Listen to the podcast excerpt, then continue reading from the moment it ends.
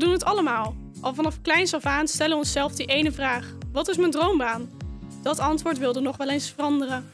De ene droom is beter haalbaar dan de andere.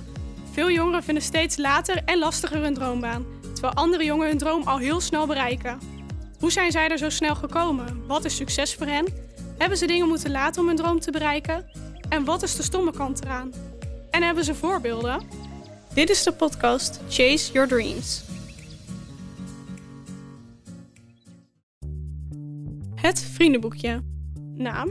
Lavinia Vlug. Ik ben. Ik ben uh, 22 jaar oud. Ik woon in. Capelle aan de IJssel. Ik studeerde. Uh, pilotenopleiding in Noorwegen. Mijn hobby's zijn? Um, dat creatief bezig zijn.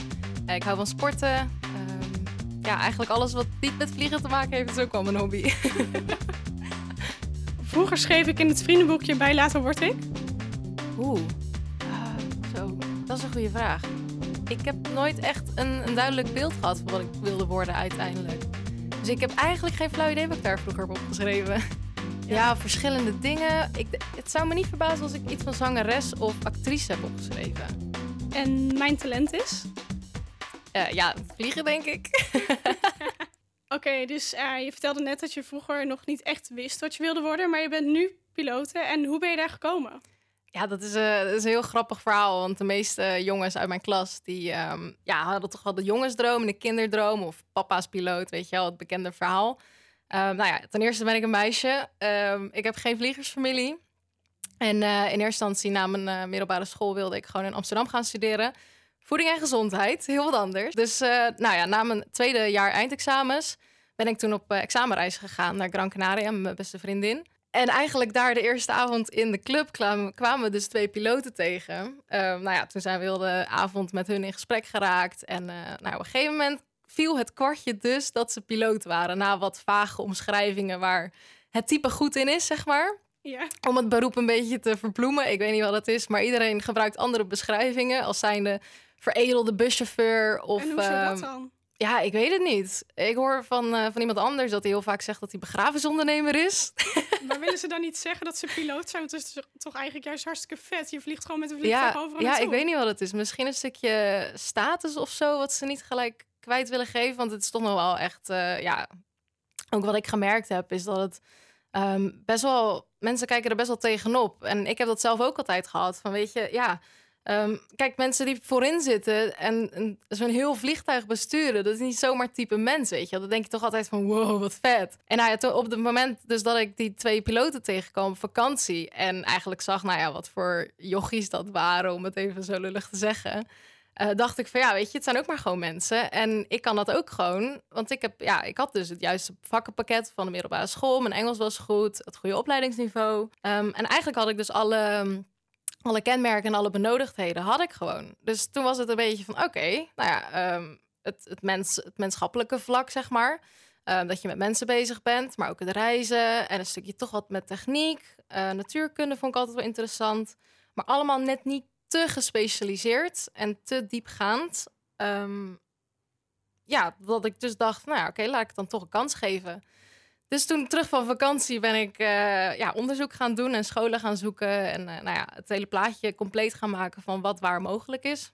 En toen uh, ben ik selecties gaan doen. De eerste instantie in Brussel bij CEA. Dat is ook een ander heel groot, grote vliegschool. En die zit eigenlijk over de hele wereld wel. Nou ja, daar kwam ik eigenlijk net niet doorheen. Ik had wel goed voorbereid en... Um, Um, ja, mijn best gedaan. Alleen ik dacht dat ik het, uh, het vliegen zelf iets makkelijker zou oppakken. Omdat ik ook wel broertjes heb en een videogame speelde, zeg maar.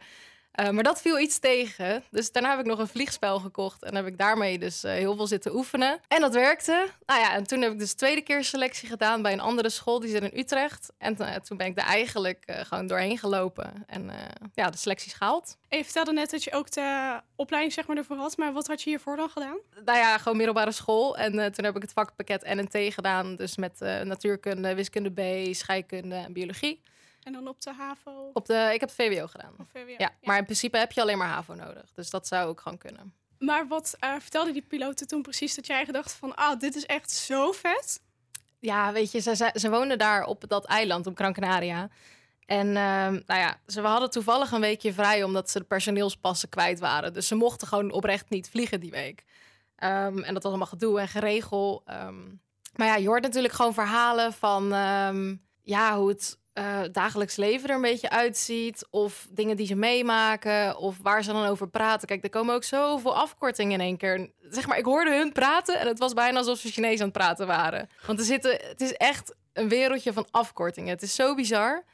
Maar ik verstond dus helemaal niks van wat ze zeiden. Ook al was het gewoon Engels. Ja, weet je, die twee waren gewoon zo leuk samen. Dat ik dacht van, ja, weet je, als zij het kunnen, weet je, dan, dan is het allemaal niet zo extreem serieus. Of dan, dan zitten er ook wel leuke mensen tussen die niet zo robotachtig zijn of zo. Wat ik me misschien in eerste instantie wat meer inbeelde. Ja, en toen dacht ik, weet je, mijn ogen, ja, mijn ogen werden gewoon geopend. Dat ik dacht van ja, het, het is eigenlijk wel heel veel raakvlakken met dingen die ik leuk vind. Uh, maar nooit bij stilgestaan dat ik gewoon zelf voorin zou kunnen zitten, zeg maar. En is het ook uh, moeilijk om piloot te worden? Want je vertelde net natuurlijk al dat je dan af of een keer niet bent toegelaten. Maar hoe zit dat precies? Um, nou ja, het, het, is inderdaad best wel een zwaar selectieproces. En je wordt echt op allerlei dingen wel getest. Um, dus in eerste instantie heb je een test met uh, wat meer inzicht en behendigheid, uh, algemene wiskunde, natuurkunde, sommetjes. Um, dus daar kan je eigenlijk wel goed op voorbereiden. Um, daarnaast heb je dan ook nog een dag met groepsopdrachten. Hoe ben je een groep, gewoon om kort gezegd. En daarnaast heb je ook nog een interview dan met het selectiecommissariaat en uh, een stukje in de simulator. Dus een simgrading heet dat dan. Dan, ga je, dan ga je dus echt in een, in een 737 simulator, in, in dit geval van deze selectie, een stukje vliegen. En dan kijken ze of in ieder geval je, je learning curve uh, omhoog gaat. Dat je dus snel het vliegen oppikt, um, multitasken kan en ja, hoe snel dat, dat goed gaat, zeg maar. Of dat het uh, waardeloos is, zeg maar. En uh, je hebt dus in Utrecht die opleiding gedaan, maar uiteindelijk toch ook in Noorwegen. Ja, dus die school in Utrecht die uh, doet in eerste instantie alleen de selectie. Nou ja, als je daar, als je daar allemaal doorheen bent, dan uh, heb je in principe de keuze om uh, naar drie scholen te gaan. Ze werken samen met een school in Griekenland, in uh, Zwitserland en dus nu in Noorwegen ook. Toen ik net startte was dus Noorwegen een van de nieuwste nog. En waren wij echt de tweede klas op die locatie die zou gaan starten. Dus echt, daar is ook het, het prijzen, het schoolgeld natuurlijk op afgestemd. Want Noorwegen is gewoon een duurder land, dus alles is duurder. Helaas dus ook het schoolgeld ervoor. Wat dat betreft kan je beter naar Griekenland gaan, denk ik. Maar um, ja, weet je, het, de opleidings, um, de omgeving is zo vet. En zeker met de bergen en het weer. Kijk, Griekenland is 9 van de 10 keer gewoon goed weer. En in Noorwegen zit je echt wel met regen, wolken, bergen. Echt alles erop en eraan krijg je ja, mee. Dus dan leer je zeg maar veel meer. Ja, dus je hebt veel beter. Ik vind persoonlijk zou ik zeggen dat je er veel meer ervaring op doet qua weersomstandigheden. En... Heel vet vind ik het wel om dan ook ineens in Noorwegen te zitten. Want je woont natuurlijk in Nederland en dan ja, ga je, neem ik aan, zonder dat je daar mensen kent, ook daar ja. naartoe. Was dat ook niet heel ja. spannend? Het was wel, kijk, ik, ben, ik sta altijd open voor uitdagingen. En uh, ik heb ook een uh, armbandje om met Ziek Discomfort erop. Maar tuurlijk, uh, ja, voor de eerste keer uit huis en, en in een ander land. En als enige meisje in de hele klas zitten. Ja, dat is gewoon nieuw en spannend en raar. En alles erop en eraan wat je kan verzinnen. Dus ja, ik heb het daar wel moeilijk gehad, natuurlijk. Het eerste half jaar zeker. Um, ook omdat je de jongens nog niet echt kent. En uh, ja, de grove grappen zijn goed aanwezig. Dus ook daar moet je echt wel sterk in je schoenen staan als meisje zijnde. En uh, je, ja, je leert de omgeving natuurlijk wat meer. En je valt in het schoolritme. Um, dus het is, te, het is te doen, maar ja, het is allemaal wel uh, natuurlijk nieuw en spannend. Ja, en natuurlijk dat de opleiding ook wel zwaar is. Want je moest natuurlijk en dan vliegen en nog theorie erbij. En ja. Hoe zag dat er dan uiteindelijk uit? Ja, nou, je hebt heel veel scholen die uh, in eerste instantie alleen de theorie doen. Dat dan voor zes, zeven maanden doen ongeveer. En dan pas starten met vliegen. En inderdaad, wij uh, in Noorwegen hebben wel uh, het gecombineerde pakket gehad. Dus wij zijn echt vanaf nou ja, bijna het begin. We hebben eerst een maandje even wat basistheorie gehad. Met nou ja, een soort van tussentoetsjes dan, om te kijken of je die theorie beheerst. Ehm, toen zijn we begonnen met, met vliegen. En zijn we dus naar de echte ATPL-theorie uh, doorgegaan, zeg maar. Uh, waar je dus ook de 14 examens in doet uiteindelijk. Um, ja, weet je als, je, als je al ervaring hebt met vliegen of iets in die richting al doet of kennis hebt, je hebt gewoon een, een steentje voor. En hoe zag dan zeg maar zo'n dag op de opleiding eruit? Ik denk dat je gemiddeld dan um, drie, vier uur les zou hebben op een dag. En dan uh, daarna nog een uurtje of twee zou kunnen vliegen. Of je hebt wat meer les op een dag en uh, je hebt nog een late avondvlucht. Of andersom, je hebt s ochtends een hele vroege vlucht en dan smiddags nog les. Uh, of de hele dag les, als je pech hebt. Ja. Gebeurt ook, ja. Het, het, is maar net een beetje natuurlijk hoe het weer zit. Of, uh, dus dat verschilt echt wel heel erg. Het is allemaal heel flexibel eigenlijk. En je bent nu zeg maar commerciële piloot, maar met wat voor vliegtuig mag je nu echt vliegen? Um, met het brevet wat ik nu heb, is in principe gewoon een basisbrevet. Dus je moet een beetje zien als, als dat je je rijbewijs haalt. Um, en daarop kan je dan bepaalde aantekeningen krijgen. Dus ik heb nu echt mijn brevet en daar staat een aantekening op voor de multi-engine piston. Dat is in principe de basis die je nodig hebt om naar een jet voor een airline door te gaan. Daarnaast heb ik nog de single-engine piston.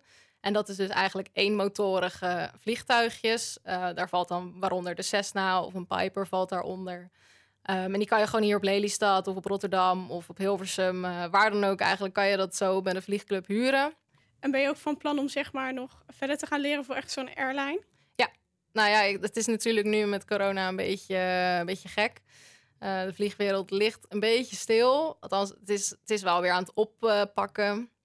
Maar er worden op het moment worden heel veel mensen met ervaring al gevraagd. Dus uh, als je net minimaal 1500 uur, 3000 uur hebt, um, dan mag je aansluiten. Dus mensen die net van school komen, zoals ik, ik heb nu 200 uur. Ik kom daar gewoon nog niet voor in aanmerking. Maar um, ik kan in principe nu gewoon aangenomen worden bij een airline, de type rating doen. Uh, voor dus een 737, een 777, een Airbus, uh, ja, whatever, Boeing of Airbus. En uh, kan ik daar aan de slag. Uh, wat voor opleiding moet je dan zeg maar doen? Want is dat dan de KLM Flight Academy? Dat is er ook natuurlijk één wat je hebt. Of is het een andere soort opleiding waar je zeg maar dan met die grotere wonings mag gaan vliegen? Nee, de opleidingen zijn in principe hetzelfde. Je hebt inderdaad de KLS in Nederland ook. Dat is uh, ja, aaneensluitend voor de KLM. Um, ehm, EPST, dus die school waar ik ben geweest in Utrecht, heeft niet gelijk een airline waar ze aan vastzitten. Uh, ze hebben wel goede connecties natuurlijk met andere airlines. Ik heb mensen van uh, Corendon daar voorbij zien lopen. Transavia heeft er een programmaatje lopen in de sim-sessies. Um, dus ze hebben wel de connecties, zeg maar. Alleen zitten niet gelijk aan één school vast. Wat je bij de KLM dus wel hebt. Is dat ook ongunstiger? Of? Ja, nee, ik weet niet per se of het ongunstiger is. Maar um, ja, je zit natuurlijk wel aan één airline vast. Dus als er iets gebeurt, hang je van hun af. Um, nou heeft de KLM natuurlijk wel een hele goede geschiedenis gewoon. En ik verwacht niet dat ze 1, 2, 3 zullen omvallen. Um, maar ja, het is wel iets waar je rekening mee kan houden. Kijk, de meeste Nederlandse piloten of jongens die je kent... die hebben gewoon als, als droom om bij KLM aan de slag te gaan. Um, bij mij, omdat het relatief laat is aankomen vliegen, zeg maar... heb ik die, die neiging niet zo per se. Dus uh, ik, ik denk dat ik wel prima zit bij EPST. En welke airline uh, lijkt jou dan echt heel erg vet om bij te kunnen gaan werken? Ja, ik moet heel eerlijk zeggen dat het me niet heel veel uitmaakt. Kijk, KLM zou natuurlijk heel mooi zijn, omdat het... Uh, ja, ik heb gehoord ook dat uh, gewoon het pensioenfonds en dat soort dingen... het is allemaal gewoon heel goed geregeld. Ook met verzekeringen en dat soort dingen. Dus als je echt wil gaan, gaan settelen, zeg maar... is KLM wel een hele veilige optie. Stel, je bent nog jong en je wil echt wel meer de wereld nog zien... ja, dan, dan maakt het eigenlijk niet zo heel veel uit. Kijk, je hebt natuurlijk TUI, Transavia, Corendon... Uh, Ryanair is een hele mooie om te starten. Uh, Norwegian was een hele goede optie. Maar ja, die staat nu iets meer op wankelen. ja, nee, ik heb niet echt iets uh, qua voorkeur. het enige voorkeur wat ik een beetje heb, is dat het binnen Europa is. En welke plaats lijkt je dan vet om in Europa te gaan wonen? Of heb je het liefst gewoon dat je in Nederland Ergens, ergens lekker warm. Zon, zee, strand. Want werkt het dan ook een beetje hetzelfde als wat ik dan weet van stewardessen? Dan vlieg je natuurlijk ergens naartoe. Dan heb je soms een paar dagen vrij of soms moet je smiddags wat terug. Ja. Uh, maar blijft dan dezelfde piloot erop zitten of vullen ze dan? Ja, het kan zijn inderdaad airline afhankelijk is. Maar um, ja, je kan inderdaad met een crew een paar dagen op pad gaan. Of je kan elke dag, uh, zeg maar als je één dag aan het werk bent... dat je twee keer op en neer naar Barcelona vliegt uh, en dan weer naar huis gaat. En dat zou je dan met dezelfde crew doen. Maar als je dan de volgende dag weer gaat... ben je weer met een compleet andere crew op pad. Hoe is het om zelf te kunnen vliegen? Nog steeds heel raar eigenlijk. Het is, ik, kijk, ik weet dat ik het kan... Maar het voelt nog steeds een soort van drempeltje wat ik over moet om dan het vliegtuig in te stappen. Omdat het toch wel iets is wat niet heel gewoon is. Kijk, ik heb nu, nu ik weer terug ben in Nederland, natuurlijk weer wat vriendinnen gezien en zo. En die zeggen echt van, wow, wat vet, je kan gewoon een vliegtuig besturen. En ik, voor mij is het bijna de normaalste zaak van de wereld geworden, weet je wel. Omdat je daar twee jaar zo intens mee bezig bent en uh, je kennis opbouwt en gewoon rondjes vliegt in Noorwegen. dat je er eigenlijk niet zo meer bij stilstaat. Pas als je dan weer terugkomt in Nederland en je normaal, ja, haakjes normale vrienden weer ziet, Mhm. Dan, dan is het eigenlijk wel van ja, tuurlijk, het is wel echt heel vet. Mag je dan ook echt overal naartoe vliegen? Of heb jij een limiet zeg maar, aan het aantal kilometers? Oeh. ehm, nee, volgens mij mag ik gewoon overal naartoe vliegen. Kijk, je moet wel natuurlijk weten waar je naartoe gaat en hoe de luchtruimen in elkaar zitten. Dus er zit gewoon meer voorbereiding aan, denk ik. Want dat moet je van tevoren toch ook doorgeven waar je dan naartoe gaat. Ja, afhankelijk van wat voor vlucht je zou gaan doen en wat voor luchtruimen je gaat eh, doorvliegen, zeg maar. Ehm, zal je wel of niet een flightplan in moeten gaan dienen. Eh, die moet goedgekeurd worden en bla bla bla. Daar zit dan wel een tijdstip aan vast, zeg maar. Dus dat, dat is echt wel wat meer plannen ook. Maar ik denk dat het wel gewoon moet, zou moeten kunnen.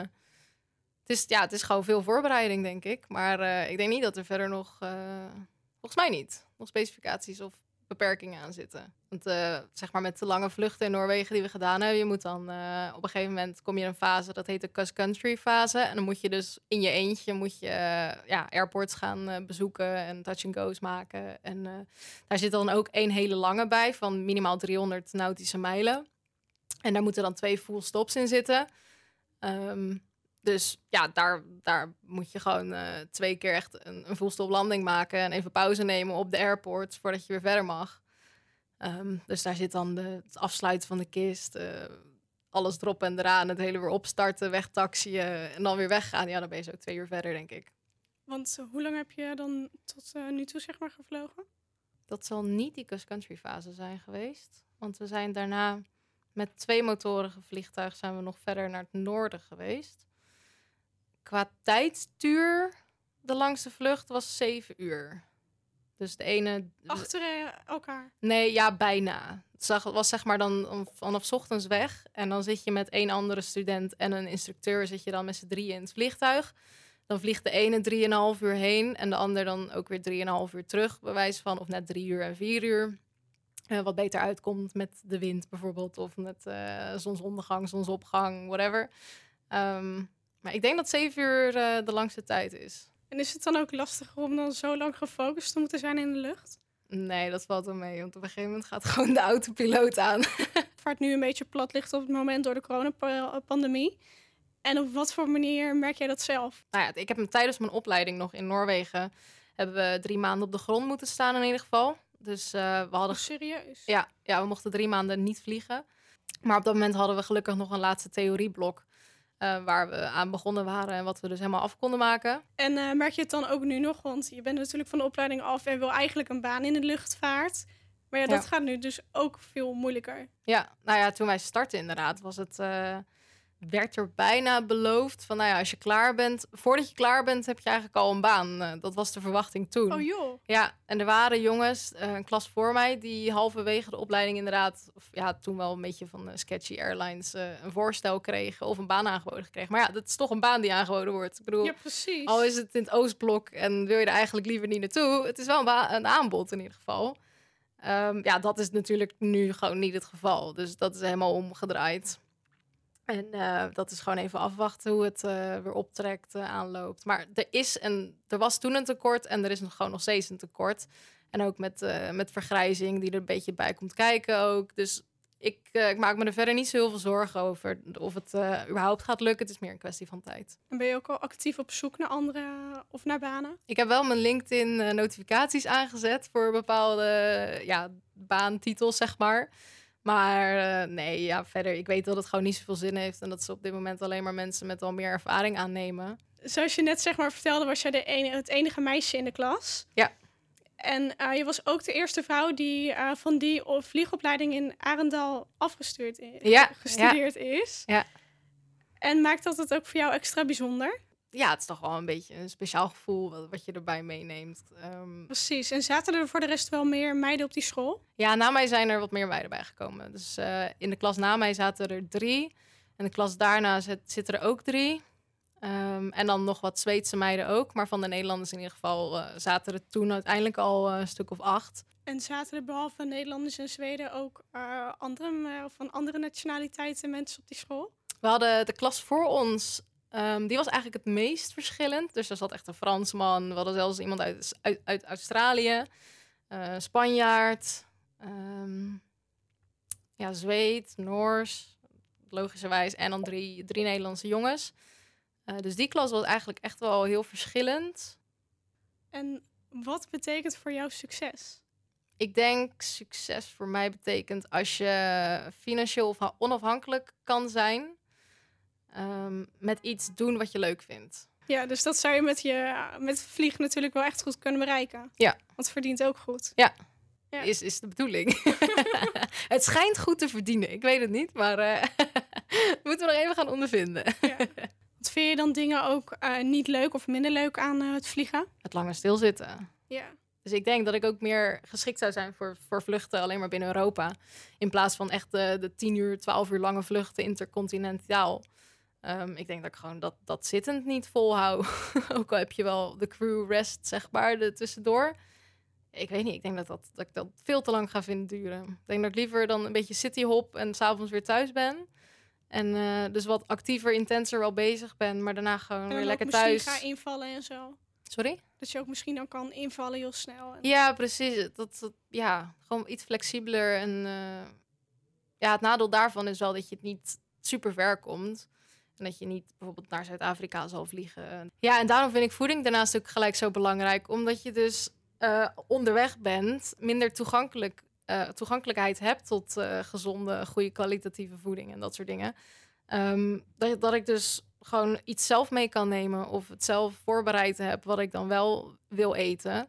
Ehm, om dus mijn lichaam inderdaad wel zo fit mogelijk te houden. Om dus de slechte kanten en de UV-straling of eh, al dat drukverschil heel de tijd van het opstijgen en landen op te kunnen vangen, zeg maar. En heb je ook voorbeelden? Ik volg eh, Fly with Eva. Dus dat is een Nederlands piloot die in, eh, in China zit, in Hongkong. En Maria de Pilot. Zij is Zweeds en is ook vrij actief. Maar die heeft dus een base met Ryanair in Alicante. Dus dat lijkt me ook gewoon wel heerlijk. Ehm, en ik volg dan nog een piloot bij KLM. Pilot van Dam, geloof ik heet ze. Ehm, en die zit volgens mij op de Cityhopper of de 73. Kijk, dat bedoel ik. Ik ben nog steeds zo nieuw in het wereldje dat ik nog steeds die kisten niet uit elkaar kan halen. Dat, mijn klasgenoten af en toe zeggen van... Lavinia, ga, die, ga het uit je hoofd leren wat de kenmerken zijn, weet je wel? Dat ik denk, ja, maar dat is toch helemaal niet belangrijk? Gewoon, waarom zou ik? Ehm, maar goed, ehm, andere piloten die ik volg. Maar kijk je ook echt tegen hen op of is dat niet zozeer? Nee, het niet, niet per se tegen opkijken, want ik weet wat ze doen en ik weet wat de basis van het vak is. Ehm, maar meer hoe zij hun leven indelen of wat ze met hun vrije tijd doen of hoe zij het op social media misschien aanpakken, ook dat. Want daar, dat heb ik in het begin wel heel erg opgelet en ook echt wel mee opgepast van wat zet ik op social media eh, waar ze me later mee kunnen terugpakken op een of andere manier. Ehm, wat zij er wel of niet opzetten of wat voor problemen zij er wel of niet mee ervaren en dat soort dingen. Dus ook qua voorbeeld zijn in het vliegen, maar ook wel ehm, ja, hoe ze dat op de socials aanpakken, denk ik. Dat ik daar wel eh, geïnteresseerd in was of ben. Oh ja, slim, ja. Ja. En heb je ook tips voor de luisteraars die op zoek zijn naar hun ultieme droombaan? Ik heb wel een hele mooie uitspraak en die gaat als volgt. Dat is eh, to see where the heart is, find out where the mind wanders. Dus ja, ehm, als jij ergens zit en je denkt alleen maar aan iets anders, dan weet je gewoon dat je niet goed zit. En ik denk dat dat wel een, een goed iets is om naar te kijken. En in mijn tijd dat ik dus die studiekeuze ben gaan maken, ehm, ben ik heel veel studies af geweest. Ik ben bij de TU Delft geweest, ik ben bij de UvA geweest, ik ben, nou ja, nog een heleboel andere scholen heb ik bezocht. Maar het was allemaal het gewoon net niet. En nergens werd ik echt enthousiast van. En op het moment dat ik dus terugkwam van die vakantie, ik werd door elk, elk vliegtuig wat over kwam vliegen, werd ik gewoon afgeleid. Ik zeg, hé, hey, er is er weer een. Hé, hey, er gaat weer een vliegtuig. Dus ik zo Flight Radar kijken, dat is een app en daar kan je alles Ja, op zien.